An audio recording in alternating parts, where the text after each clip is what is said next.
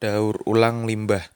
Daur ulang adalah proses pengumpulan sampah, penyortiran, pembersihan, dan pemrosesan material baru untuk proses produksi.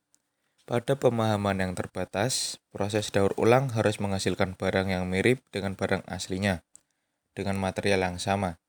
Contohnya, kertas bekas harus menjadi kertas dengan kualitas yang sama atau busa polistirena bekas harus menjadi polistirena dengan kualitas yang sama. Seringkali hal ini sulit dilakukan karena lebih mahal dibandingkan dengan proses pembuatan dengan bahan yang baru.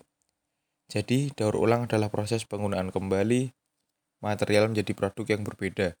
Bentuk lain dari daur ulang adalah ekstraksi material berharga dari sampah, seperti emas dari prosesor komputer, timah hitam dari baterai, atau ekstraksi material yang berbahaya bagi lingkungan seperti merkuri.